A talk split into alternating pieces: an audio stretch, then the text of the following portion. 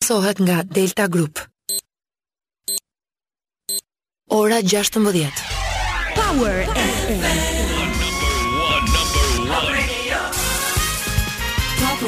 Flash në Top Albania Radio. Informacionet kryesore të ditës. Po ndiqni përmbledhjen e orës 16, unë jam Ani Bame. Në New York, kryeministri Rama u prit nga nënsekretarja amerikane e shtetit për çështjet politike Victoria Nuland. Rama informoi se diskutuan edhe për agresionin iranian dhe planin e përbashkët të fuqizimit të mbrojtjes kibernetike. Po ashtu folën për portin e ri tregtar të Durrësit dhe bazën e re ushtarake detare, krizën energjetike dhe solidaritetin mes vendeve të aleancës pro Ukrainës për përballimin e saj. Në fokus edhe roli i Shqipërisë në rajon, Ballkani i hapur si platformë paqe, dhe nevoja për përparim thelbësor në dialogun Kosovë-Serbi. Përgjigja e menjëhershme me sanksione ndaj sulmeve kibernetike ndaj Shqipërisë ishte pjesë e një strategjie drejt synimit për të parandaluar sulmet kibernetike në të ardhmen.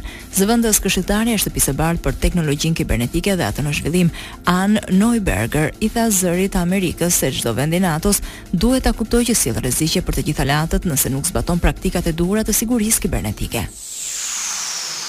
Lajmet në internet në adresën www.topalbaniaradio.com. Dalin çmimet e reja të karburanteve në vend, nafta rritet me 7 lekë me pakicë, litri do kushtojë 223 nga 216 që ishte më parë, ndërkohë çmimi i benzinës mbetet i njëjtë, një litër 194 lekë, aq sa në vendimin e gjashtëmbëdhjetë shtatorit. Gazi do shitet me shtatëdhjetë e tetë lekë litri nga shtatëdhjetë e shtatë që ishte. Çmimet e reja hyjnë në fuqi në orën 18. Sot në një bashkëbisedim online me qytetarë, kryetari demokrat Sali Berisha tha se protestat do të nisin shumë shpejt, duke vënë në dukje se partia që drejton mbështet të gjitha shtresat sociale. Berisha apeloi që biznesi i vogël të përgatitet për grevë të përgjithshme, po ashtu kërkoi që studentë dhe gjimnazistë të mbështesin protestën e 5 tetorit të pedagogëve.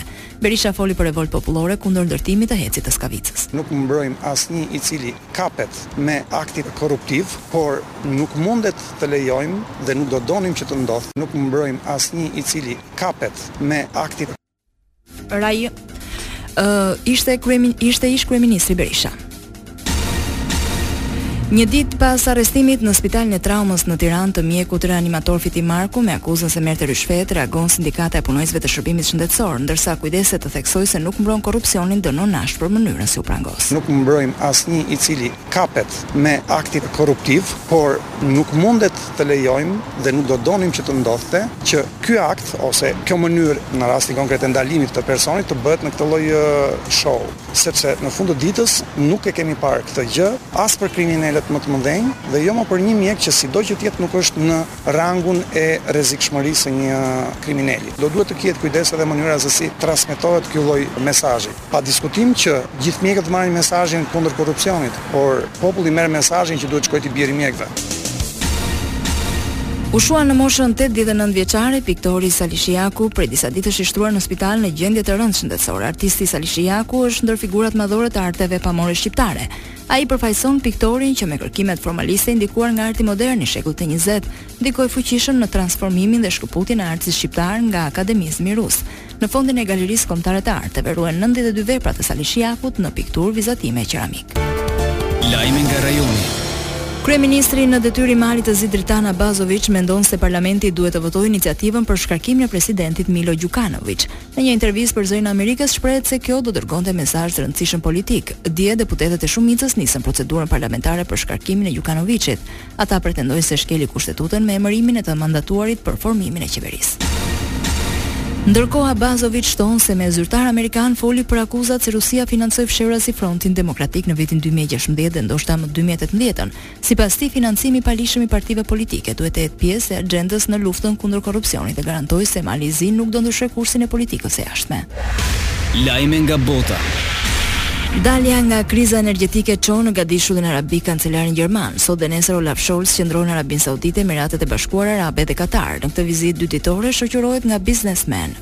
Të tre vendet janë eksportues shumë të rëndësishëm të naftës dhe gazit dhe Berlini shpreson për kontrata konkrete bashkëpunimi. Në Gjermani presin që kancelari të mos heshtë për çështjen Kashoggi dhe pjesëmarrjen e Arabisë Saudite në luftën e Jemenit. Princi saudit i kurorës Mohammed bin Salman akuzohet për vrasjen brutale të gazetarit, por mohon gjithçka. Ndonëse vrasja solli izolim ndërkombëtar të Arabisë Saudite me luftën ruse në Ukrainë, Liderët perëndimorë që nga Biden po afrohen me sauditët. Shkarkohet zëvendësministri rus i mbrojtjes Dmitri Bulgakov, transferohet në një post tjetër. Ai do zëvendësohet nga gjeneral kolonel Mikhail Mizintsev, i cili më parë mbante postin e kreut të Qendrës së Kontrollit të Mbrojtjes Kombëtare të Rusisë. Mizintsev udhëhoqi rrethimin e portit të Mariupolit çka i dha pseudonimin Kasapi i Mariupolit. Sport. Sonte Shqipëria luan ndaj Izraelit sfidën vendimtare të këtij edicioni të Ligës së Kombeve me ndeshjen që do nisë më 20:45 me orën tonë. Një ditë më parë, Kombëtarja Shqiptare e Futbollit udhëtoi drejt Izraelit ku sot në mbrëmje përballet me vendasit në të parin takim të shtatorit. Parashikimi i motit. Edhe në vijim vendi ynë do ndikohet nga mot i kthjellët si dhe me alternime të herëpashershme vranësirash të pakta deri mesatare. Vranësirat janë më të pranishme përgjatë relieveve malore në lindje. Sa i përket temperaturave ato luhaten nga 4 në 26 gradë Celsius. Këtu kemi përfunduar mirudëgjofshim në edicionin e orës 17. Kjo është Top Albania Radio.